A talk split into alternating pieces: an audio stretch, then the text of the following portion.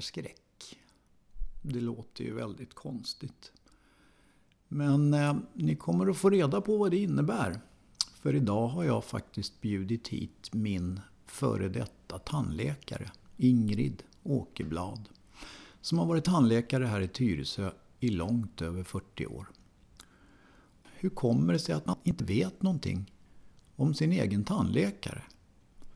Jo, det är ju såklart därför att munnen står på vid gavel och man kan ju inte fråga om någonting och man kommer sig inte för att fråga någonting. Men vad tänker hon där bakom sitt munskydd och, och alla sådana här konstiga moniker som hon har? Och det tänkte jag ta reda på idag. Jag tänkte ställa de där frågorna som man inte vill eller kan eller har möjlighet till när man sitter där i stolen. Så att eh, snart så kommer hon och det ska bli spännande. Du lyssnar på Tyresö-radion. Jag heter Lelle Viborg. Välkommen Ingrid Åkerblad. Tandläkare sedan 46 år i Tyresö. Mm, tack så mycket. Och nu befinner vi oss i Trollbäcken i en källarlokal. Och det var ju där allting började. Det var här vi hade vår första dejt. Inte här, men i en källarlokal i Trollbäcken. Berätta. Ja, hos Berätta. Eh, Janne Johansson. Han hade ju en tandläkarpraktik eh, med eh, två rum ursprungligen. Eh, och dit kom jag ju och skrämde slag på personalen iklädd en väldigt vacker fransk dräkt med kappa och hatt och handskar och paraply. Alltihopa färgstämt. Inte bara personalen, det fanns väl en annan patient också? ja, nej men när jag kom och skulle bli intervjuad. Ja, okej. Okay. Så då tänkte de, herregud, vad är det där för en? Mm. Men, men, men, eh, det gick väldigt fort över. Mm. Men, men, vadan denna utstyrsel då? Var det någon, något medvetet eller var det din, din egen stil så att säga? Det var mera min stil. För att eh, textilier har alltid varit väldigt viktigt i min familj. Min mormors mor hade en stor syateljé och min mamma gick i samma spår som vävlärare och textillärare och konsthistoriker. Eh, så att eh, vackra kläder har alltid varit viktigt. Mm. Och de har ni ju som patienter nästan aldrig fått se. Nej, man har väl fått se en annan sorts klädsel ja. som man inte alltid... Skyddskläder. Ja, precis. Och, och jag inbillar mig att då kanske det är ännu viktigare med vackra kläder när man inte har skyddskläder. Ja, det är det ju också. Mm. Mm. Ja, det är alltså, vi pratar nu 70 72, Ja, 72 ja. kom jag ut till Jan. Just det, och strax efter kom jag livrädd. Mm. Mm. Och sen har vi slagits ända tills för något år. Hur länge sedan är det du blev pensionär?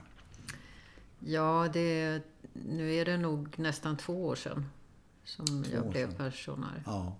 Och jag har ju satt en underrubrik på den här, det här programmet och det är omvänd tandläkarskräck. Och omvänd tandläkarskräck det innebar att när du skickade ett brev till dina patienter att du skulle bli pensionär. Då fick jag tandläkarskräck fast omvänt. Och alltså istället för att vara rädd för tandläkaren så var jag rädd för att bli av med tandläkaren. Och nu ska inte jag sitta här och, och veckla ut min munstatus utan men jag har alltså haft i alla år problem med det här med kväljningar lägg någonting på min tunga. Och det är inte bara tandläkare utan det är läkare eller om jag gör det själv eller någonting. Och det här är eh, ett eländes elände. Men det här har ju du hanterat genom åren. Och, och det är därför som jag varit lite sådär, om man säger så. Mm. Mm. Kan du förstå det? ja, ja, i och med att eh, vi har haft eh, sjukdomar i familjen. Min mormor hade svår reumatism till exempel. Och åt fruktansvärt mycket värktabletter. Och själv så har jag ju varit, hela min eh, uppväxt så låg jag ju i halsflussar och öroninflammationer och avslutades med hjärnhinneinflammation. Så att erfarenhetsmässigt så vet jag vad värk är och det är väldigt bra för då kan man sätta sig in i en patient bättre. Mm. Och just eh, med att min mormor hade även psoriasis och eh, jag, gudskelov och tack så är jag ju född i rätt tecken, så jag är ju jungfru. Och det, mm. det är ju att man ska ju klara av vård mycket bättre då. Mm. Om man nu ska tro på det.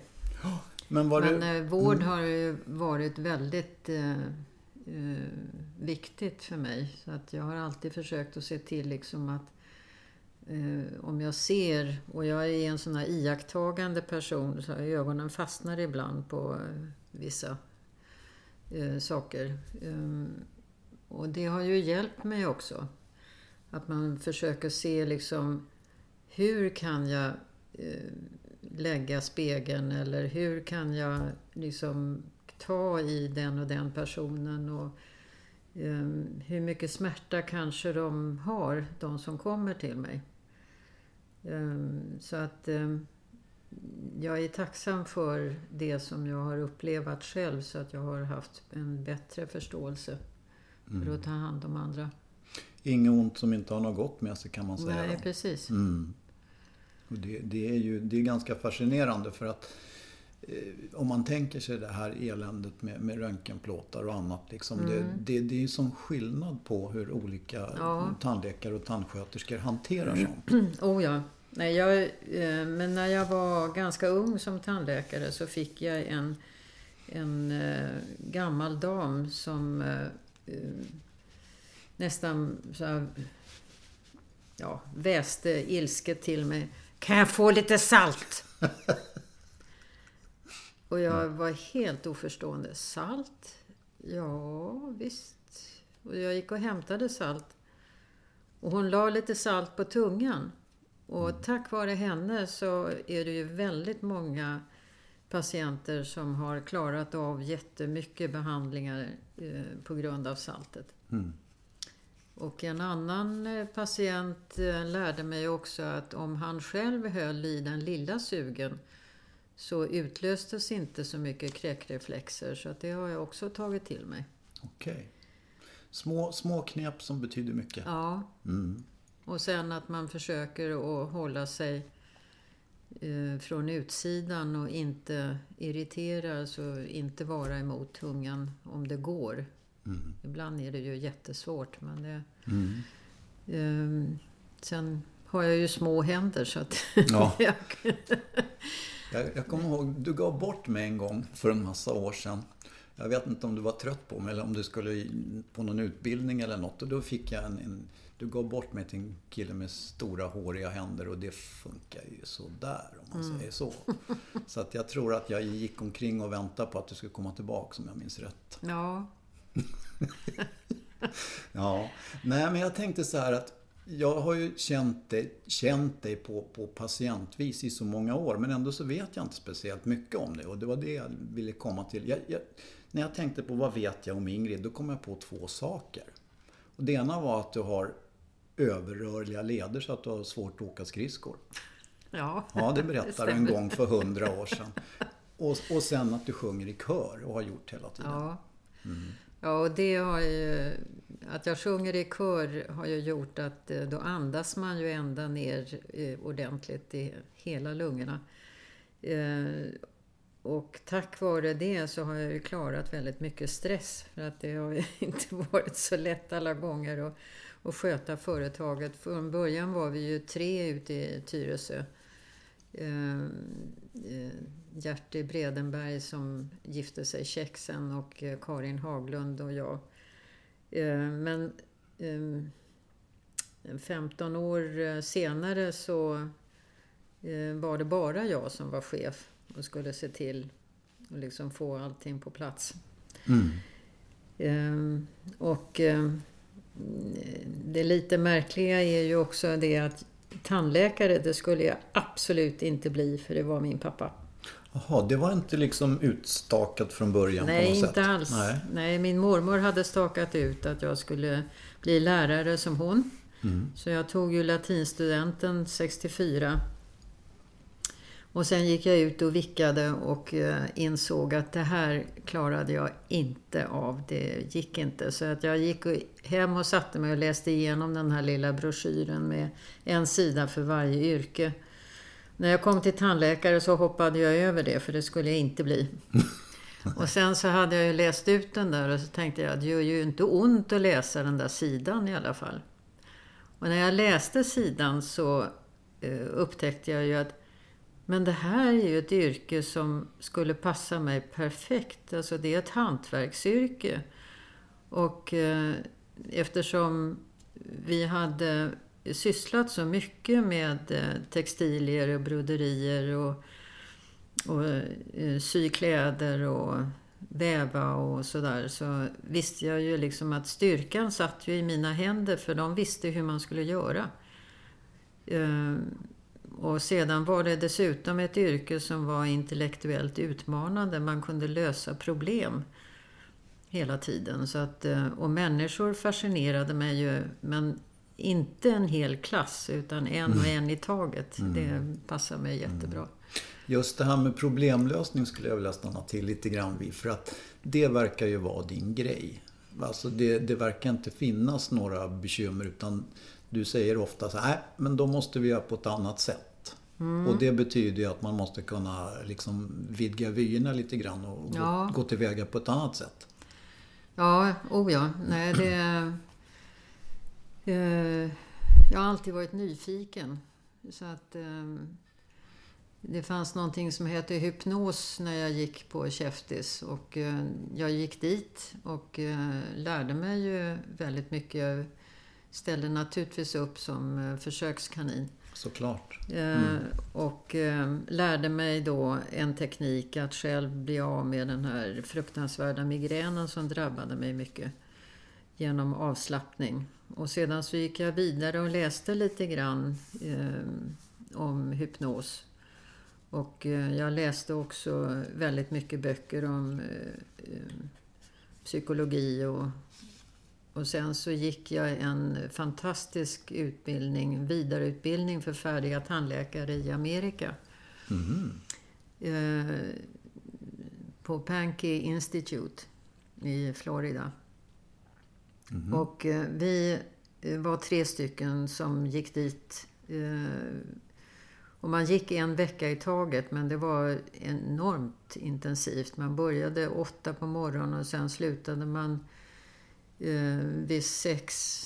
Och sen så åt man en snabb middag och sedan förväntades man sitta och eh, samlas runt nästa dags föreläsare så att man höll på kanske till klockan var tio på kvällen.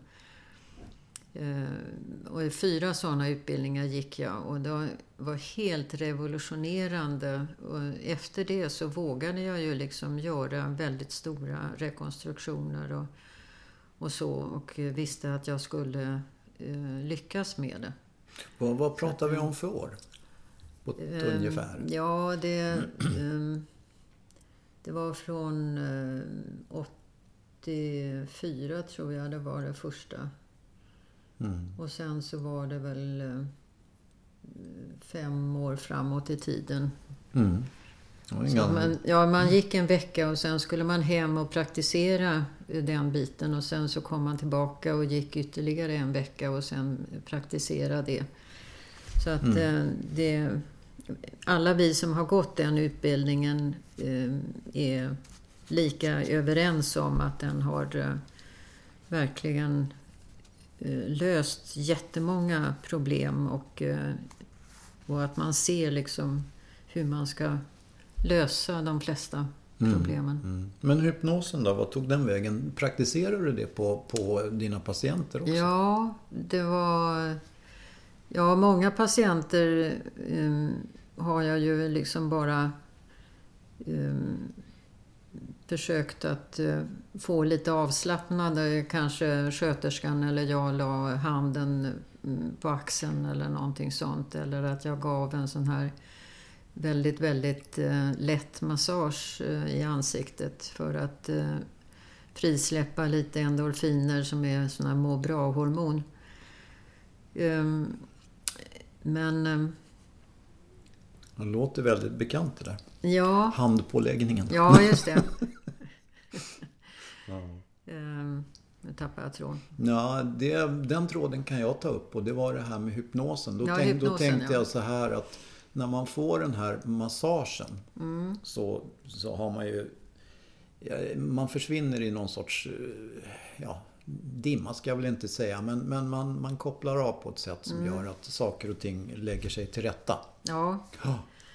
Det, jag har haft två patienter som eh, eh verkligen har eh, eh, fått nytta av de, mina kunskaper med hypnosen. Och det, den ena hade blivit instängd i, eh, i en lavin så att hon eh, klarade inte av att få bedövning i underkäken för då fick hon samma dödsångest som um, hon hade i labinen. Aha. Och jag skulle ta bort en visdomstand. Mm. Uh, så att då tränade vi lite grann. Hon kom sist uh, ett uh, par gånger och sen så när jag skulle ta bort tanden så var det liksom som både tanden och hon och jag var så förberedda så att den nästan trillade ut av sig själv. men det, så var det ju inte. Men alltså det, det gick så otroligt bra så att eh, den som var mest förvånad var ju faktiskt jag.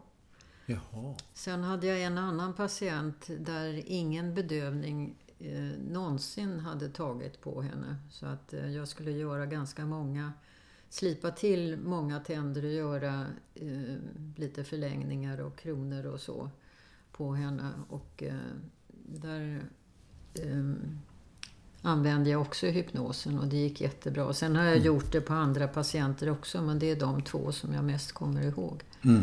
Mm. Att det gick så fantastiskt bra. Fascinerande. Jag tänkte på en annan grej och det är ju det att du har ju ofta två lägen. Antingen så nynnar du lite bakom munskyddet där och då vet man att mm, ja, hon ser rätt nöjd ut. Eller, eller också så blir det lite onda ögat sådär. Mm, och då tänker jag så här, hur pass koncentrerad måste man vara som tandläkare? Kan du stå där liksom och tänka på vad du ska laga till middag eller ja, någonting annat liksom? Du, du ser Sällan. väldigt koncentrerad ut. Ja, just det. Nej, man är ju jättekoncentrerad hela tiden. Det är ju, man ska ju hålla undan kind och tunga och uh, man ska um, i den här lilla munhålan så ska man ju ner i tanden och det kanske är bara ett par millimeter som du ska koncentrera dig på. Mm.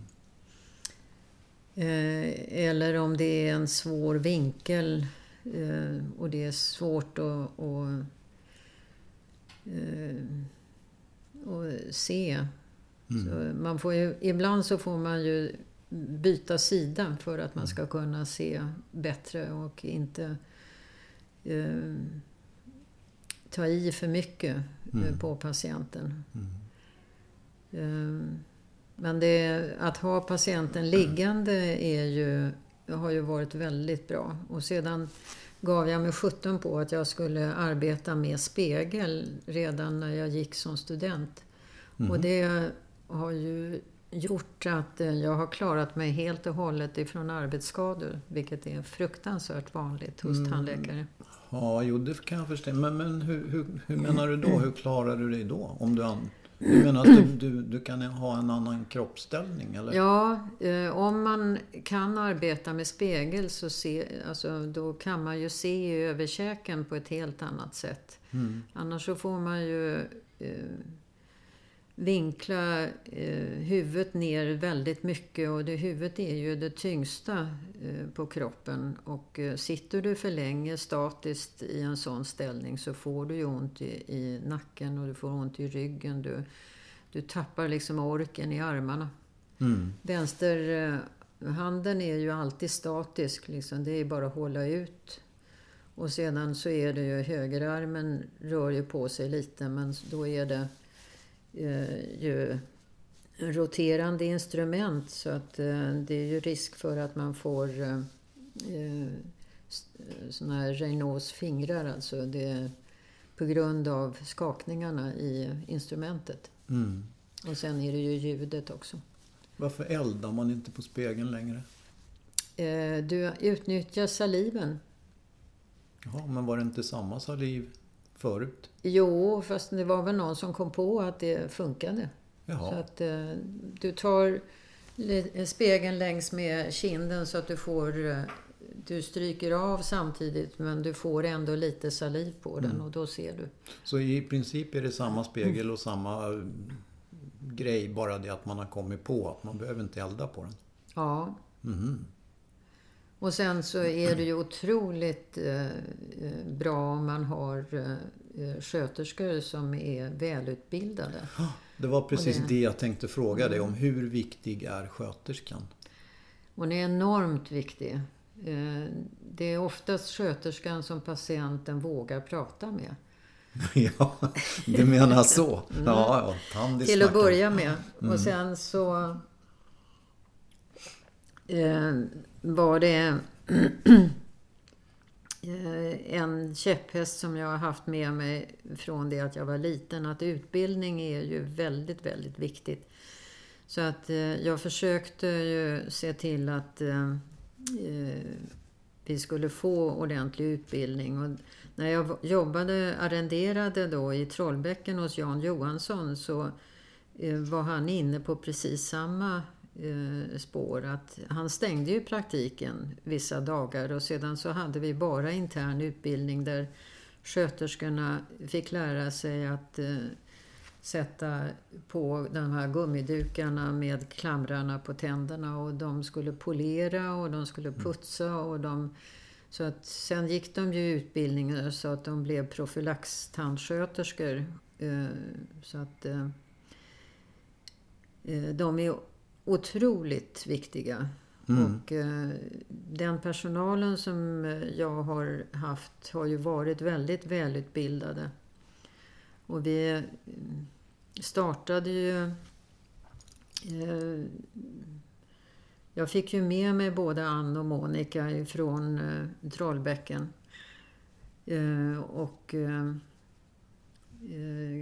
Kiki Sundberg som hygienist och sen Eva Klyft också som hygienist. Så de har ju varit fantastiskt eh, bra och välutbildade allihopa.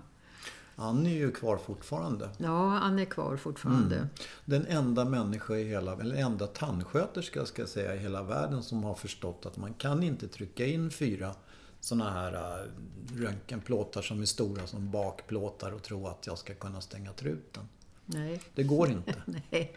Det finns Hon är, hon är otroligt eh, duktig överhuvudtaget. Hon är ju den på praktiken som kan alla implantatsystem. Så hon kan ju titta på en röntgenbild och se liksom, ja men det är, det är den sorten och den sorten och den sorten. Så det där är Brånemark och det är Straumann och det är Nobel Biocare och den och den sorten.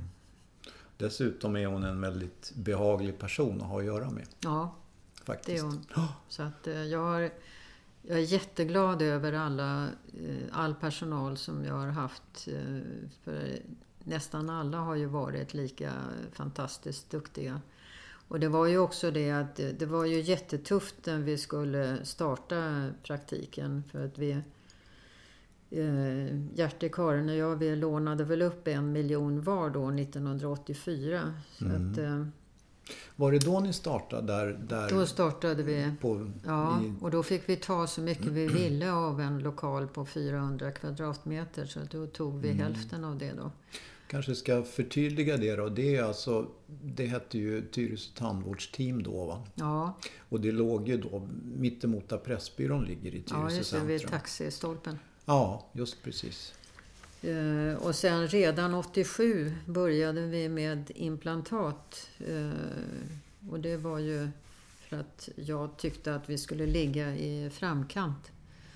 Så ja, när vi byggde 84 så eh, ville jag ju också att vi skulle ha en sån här stor röntgenapparat som eh, man kunde den fotograferade ju runt huvudet så att man kunde få en helhetsbild av hela eh, bettet plus eh, bihålorna och eh, käklederna. Mhm. Och då var vi ganska ensamma om att ha en sån stor röntgen. Och sen 87 så var vi ju en av de få privata tandläkarpraktiker som hade implantat. För att från början så skulle det ju bara vara på sjukhus eller eh, i folktandvårdens regi. Men där hade jag hjälp av min eh, första svärfar som var eh, kommunal och landstingspolitiker, han Hans Åkerblad. Han råkade gå förbi när de just debatterade det här att det var ju helt omöjligt att släppa det implantat fritt på privattandläkare.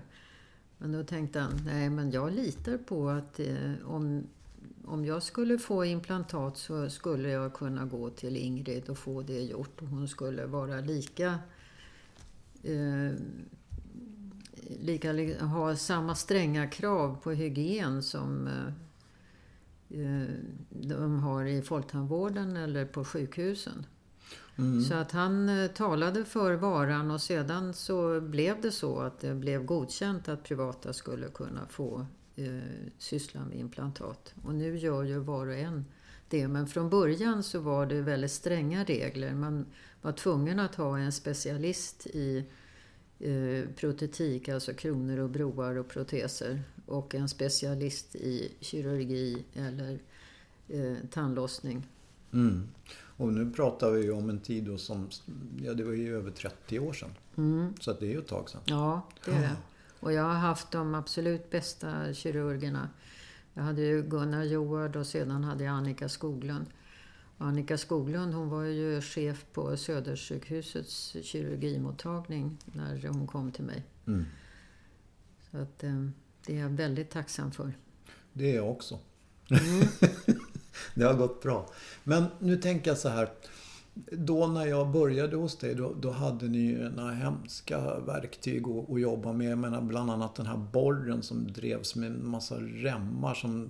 Ja, hela ansiktet skakas. Man såg tre Ingridar på en gång. Ja, det var ju så. Jag menar, Ja. det måste ju ha hänt en massa i verktygssvängen så att säga. Ja, överhuvudtaget så under den tiden som jag har varit tandläkare, det har ju aldrig hänt så otroligt mycket. Både när det gäller eh, utrustningen och även när det gäller liksom alla material som vi använder. Det är som från silikat i framtänderna och amalgam längre bak. Och eh, det här eh, som jag lärde mig då när jag gick. Att man skulle borra upp alla de här små eh, eh, fårorna på tuggytorna för att eh, extension for prevention, det var jätteviktigt. Mhm. Så att därför så har ju väldigt många haft väldigt mycket, många onödiga amalgamfyllningar i tänderna. Och sen så hela utvecklingen eh, till eh, det här keramiska eh, via guld och porslin. Fast fastän guldinläggen saknar jag faktiskt för att det är otroligt bra terapi för de flesta människor. Det, är- det är lite mjukare legering på guldet och de sitter helt otroligt bra. Mm. Men, men, Du får som- inga, eh, ingen sekundärkaries. Nej, men är det inte ett guld, har jag en känsla av, ett väldigt mjukt material?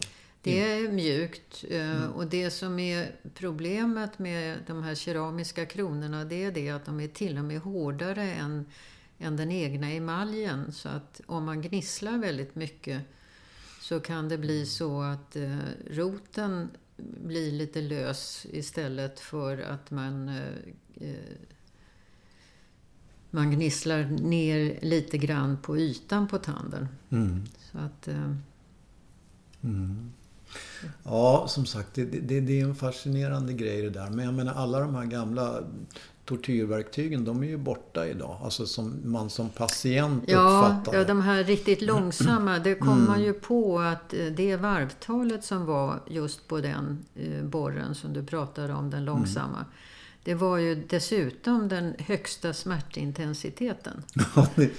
Så att måste... sen, ja. sen så eh, utvecklade de ju borrarna att gå med eh, de långsamma eh, 40 000 varv kanske. Och eh, de snabbborrarna som man ju helst använder, de är ju på 200 000 varv. Så att det går ju Mm. Oj. så väldigt fort.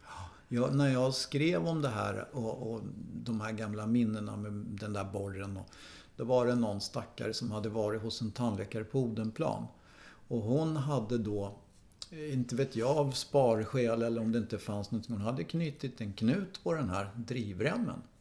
Så att eh, när hon borrade så, när hon kom till den här knuten, när den gick runt remskivan då, så, så skakade det ju till naturligtvis. Så att han fick tydligen flera tänder uppborrade på en och samma gång.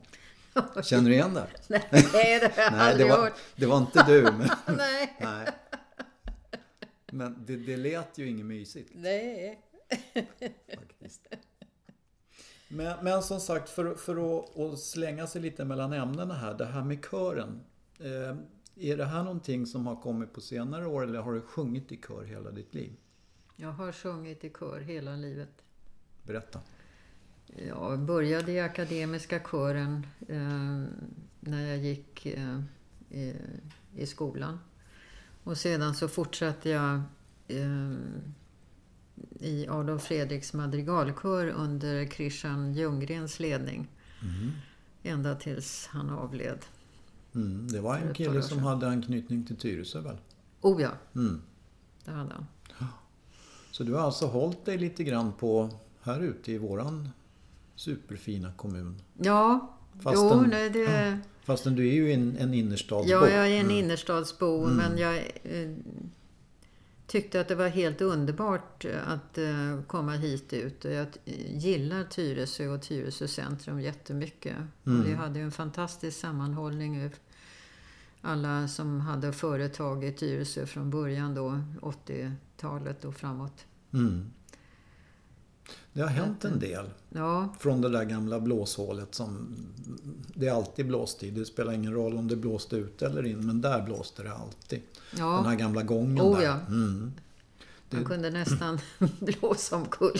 Ja, ja, det var ju inte långt ifrån. Nej. Nej. Okej, så att det här med kören, det har alltså hållit i sig...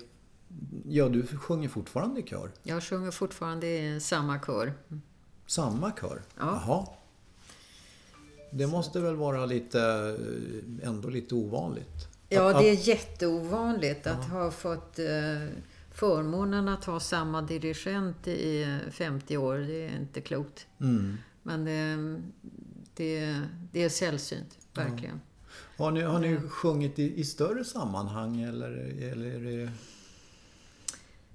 Eh, ja, det har vi. Fast det har inte varit i större sammanhang i Sverige kanske. Utan då har vi varit utomlands och eh, sjungit. Där det har varit tävlingar och så. Jaha. Så att det är så pass alltså så ni har tävlat i körsång? Ja, Hur, Eh, hur, så att- hur tävlar man i körsång för en som inte begriper något? Ja, nej, det, det finns ju en jury som eh, väljer ut. Det finns ju program nu på TV där man eh, tävlar i körsång. Mm. Eh, och där väljer man ju liksom ut eh, vad, eh, hur kören har låtit och Sam, samspelet? samspelet och eh, hur väl man uttalar orden och sådär så att det hörs vad man sjunger. Mm, mm. Nu, nu, nu kommer det upp en sån här tanke igen Ingrid. Nu, nu får du ursäkta men nu, nu blir det en Kurt Olsson-fråga på det här. Tar du den? Ja, Har du sjungit Love Me Tender någon gång? nej, jag vet inte. Ja, ursäkta. Det var en liten avvikning. Ja. Som det brukar, ofta Ja. brukar bli. Nej men som sagt, det, det, det är ju ett fascinerande, alltså det är 46 år.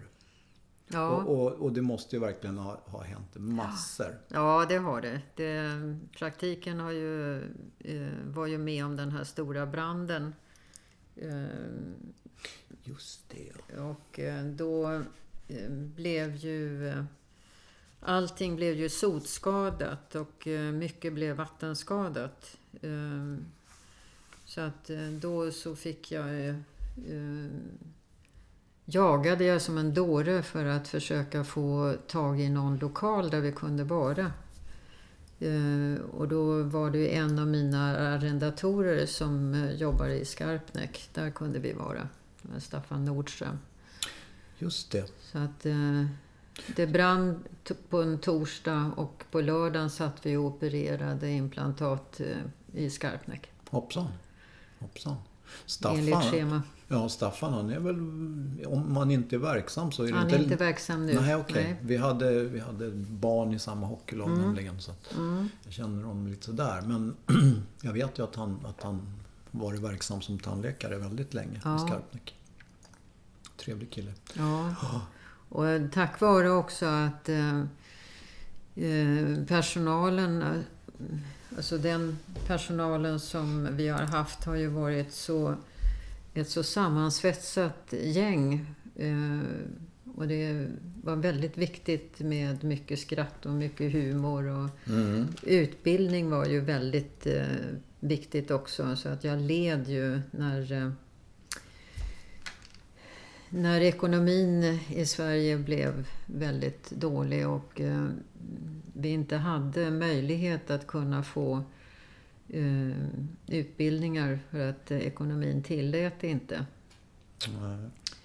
Men eh, då lyckades jag eh, med hjälp av Preventum, som det hette då, eh, få EU-bidrag två gånger. Så Jaha. att, eh, då fick vi äntligen lite utbildning. För det är så otroligt viktigt. Så att det är nästan sådär att patienterna borde fråga liksom när, när fick ni vidareutbildning senast? Ja, just det. Ja men, ja, men det är klart, i, i slutändan så är det, handlar det ju om patienten också. Ja, Ja, det- ja, det, det- det allra viktigaste är ju patienten. Mm. Och det är ju väldigt mycket när det gäller vård idag så är det att man liksom missar. Nu skrev ju Irene Svenonius eh, en bok om hon har förstått det här att det är liksom patienten som man missar. Det är politikerna styr eller ekonomerna styr och det är bara siffror, siffror, siffror, siffror och man ska liksom eh, se till att eh, det blir så höga siffror som möjligt för ägaren. Det har aldrig intresserat mig utan jag ville och det var, dessutom så var det ju mera så när jag startade praktiken tillsammans med Gertie och Karin. Eh, att eh, då var människan mycket mera viktig. Så att man utgick liksom från, eh, från patienten eh, och sedan så eh, skulle man ju också se till att personalen var av olika typer. Så att det alltid fanns någon som passade till alla olika patienter som man kunde ha. Ja. Och eh, genom att man har eh, eh, personal som är lite olika och sådär och eh, sen att man eh, försöker och, och eh, vara Alltså ha lite humoristisk inställning till många olika saker så får man ju ett fantastiskt gäng. Mm. Så att utan den personalen som eh, vi har haft så hade det inte gått så bra. Nej. Och jag tror att det är det som eh, patienten också har känt liksom från Mm. första början då att det har varit otroligt viktigt. Mm. Ja, för att vi var ju ett gäng då. Alltså min generation, vi hamnade ju hos den så kallade skoltandläkaren, Mm. hette man ju då. Och det var väl egentligen folktandvården, det var väl samma sak där, tror jag. Och jag menar, det här var ju inga roliga besök man fick göra där. Nej. Och, och i värsta, allra värsta fall så fick man ju gå till smärtornas högborg på, på Eastman. Eastman. Ja, just Ja. Har, du- har, du, har du varit på Eastman någon gång? och blivit behandlad. En- Jag har en- aldrig blivit behandlad på Eastman eftersom min pappa var tandläkare. Ja, just, så var det. Så var det. Och jag hade... Eh, ja. Jag hade väldigt länge hade jag inte några hål men sen blev det desto mer. Ja, det var en, det var en, en sån där annan fråga. Liksom, hur gör tandläkaren när hon går till tandläkaren?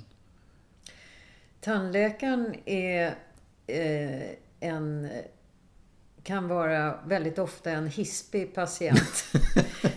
För att man vet ju alla saker som skulle kunna gå fel. Jo, just det. Man vet lite för mycket. Ja, just det. Så att, eh, det. Men det har gått eh, väldigt bra. Mm. Att, eh, Och, och nu är du pensionär. Nu är jag pensionär. Ja. Ja, vad ska du göra nu då? jag tycker att det är lite lyxigt att vara pensionär. Mm. Men, men saknar du ofta yrkeslivet? Nu, har, nu är det ju ett år så att det, det kanske... Ja. är- Men, men i alla fall. Ja, nu är jag ju 75 och jag sa ju det att jag... När folk frågade mig hur länge jag skulle jobba. Nu blev det ju inte riktigt till 75, men jag sa det. Jag hade ju ingen aning, så att jag sa, jag gör väl som Fredrik Reinfeldt sa.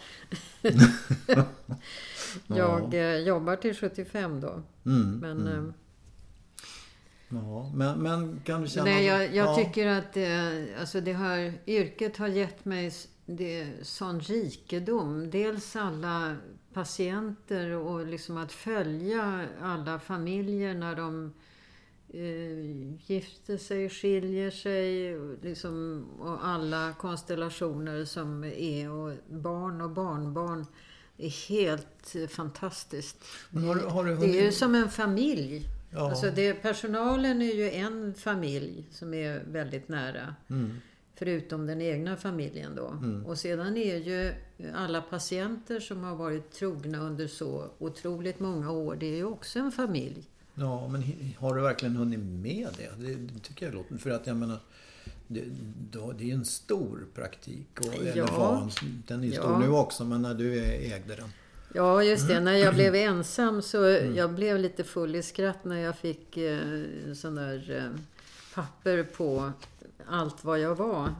Jag var verkställande direktör, ekonomichef, inköpschef, personalchef, utbildningschef, datachef, IT-chef, PR-chef, miljöchef och klinikchef.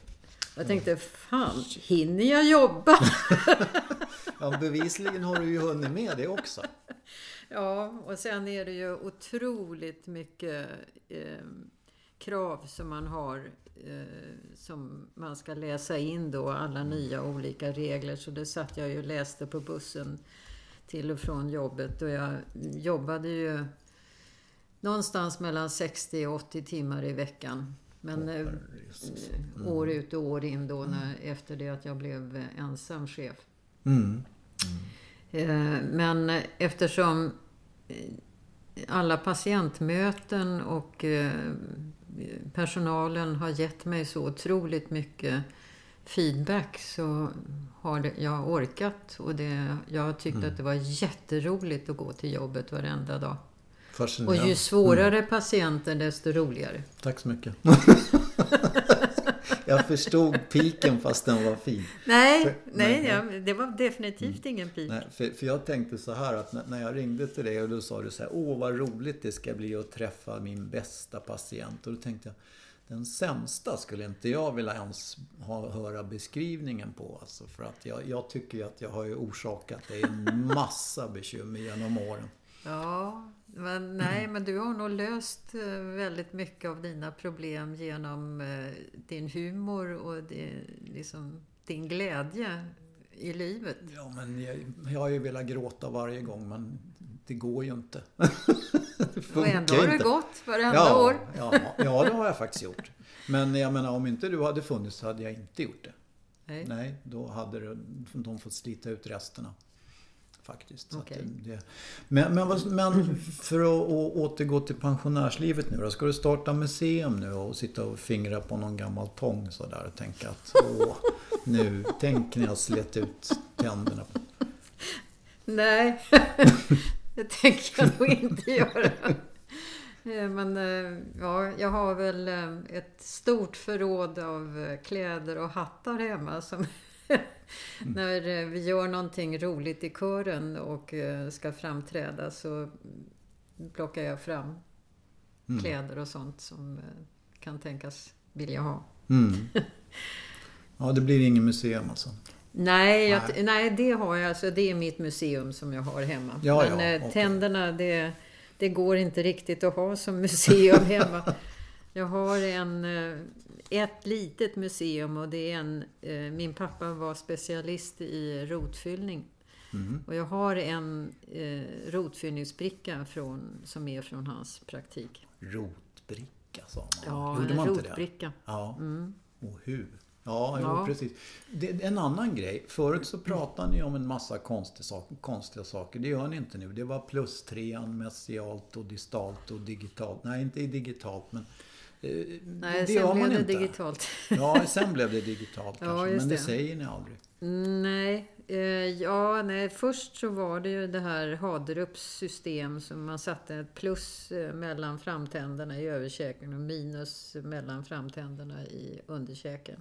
Mm. Och sen räknade man ju 8 plus fram till 1 plus då. Och sen är plus 1 och plus 8.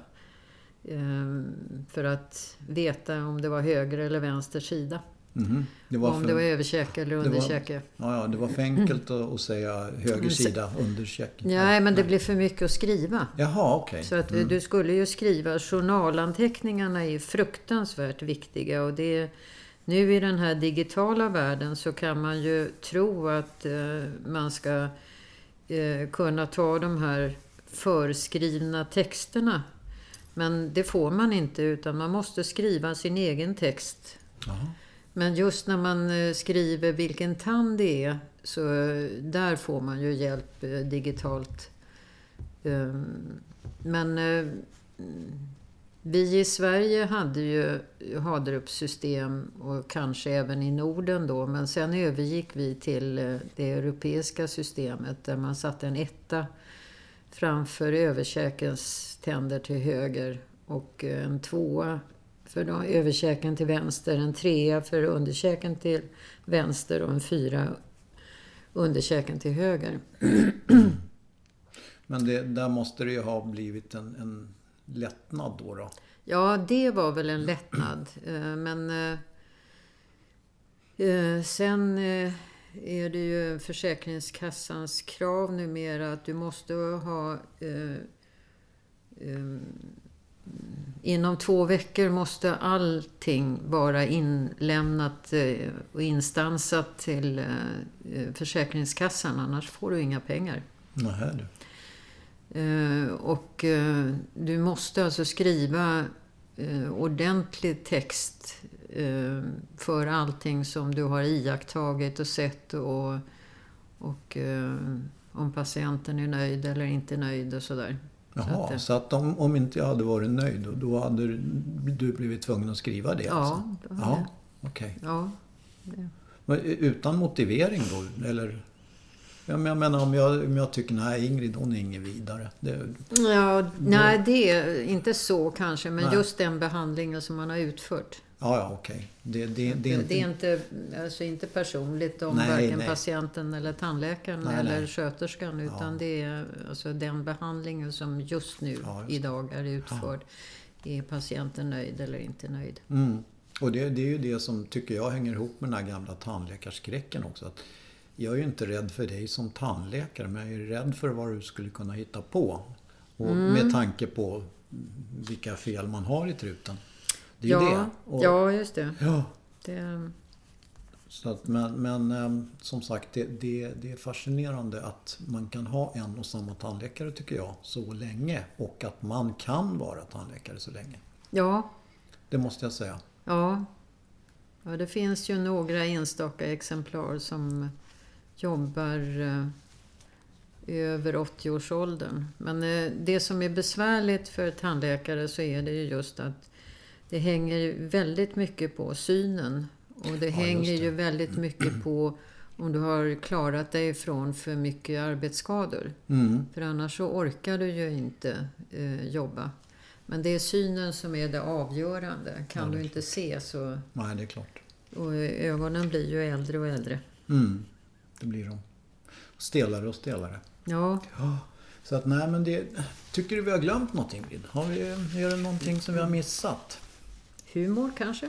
Humor? Ja, har väl det var väldigt viktigt med mycket skratt på praktiken. Ja, ja, ja, ja, jo, det har jag förstått. Ibland finns det inte så mycket att skratta åt. Nej, men Jo, det men- gäller alltid att hitta något Ja. att skratta åt. Jag, jag har en fråga till och det är det här med att man säger ju alltid att det är så dyrt att gå till tandläkaren. Ja. Eh, Tycker du att det har blivit någon, någon form av klassfråga att gå till att ha hela tänder eller gå till tandläkaren? Det har väl alltid varit en klassfråga. Eh, vi fick ju den sista eh, stora försäkringen som vi fick i Sverige är ju just tandvårdsförsäkringen. Eh, innan dess så var det ju en enorm klassfråga.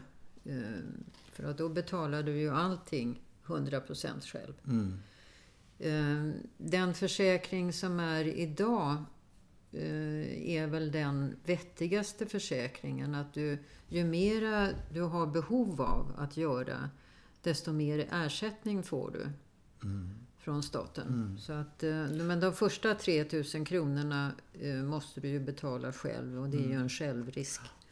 Ja, för jag, sen- ja, för jag tänker så här att om det blir en sorts moment 22 det där. Jag menar om man då låter bli eller inte har råd att gå till tandläkaren. Mm. Med tiden så, så rasar ju tänderna och det blir större och större kostnader. Ja. Och det blir svårare och svårare att kanske få fram de där hundralapparna eller tusenlapparna. Oh ja.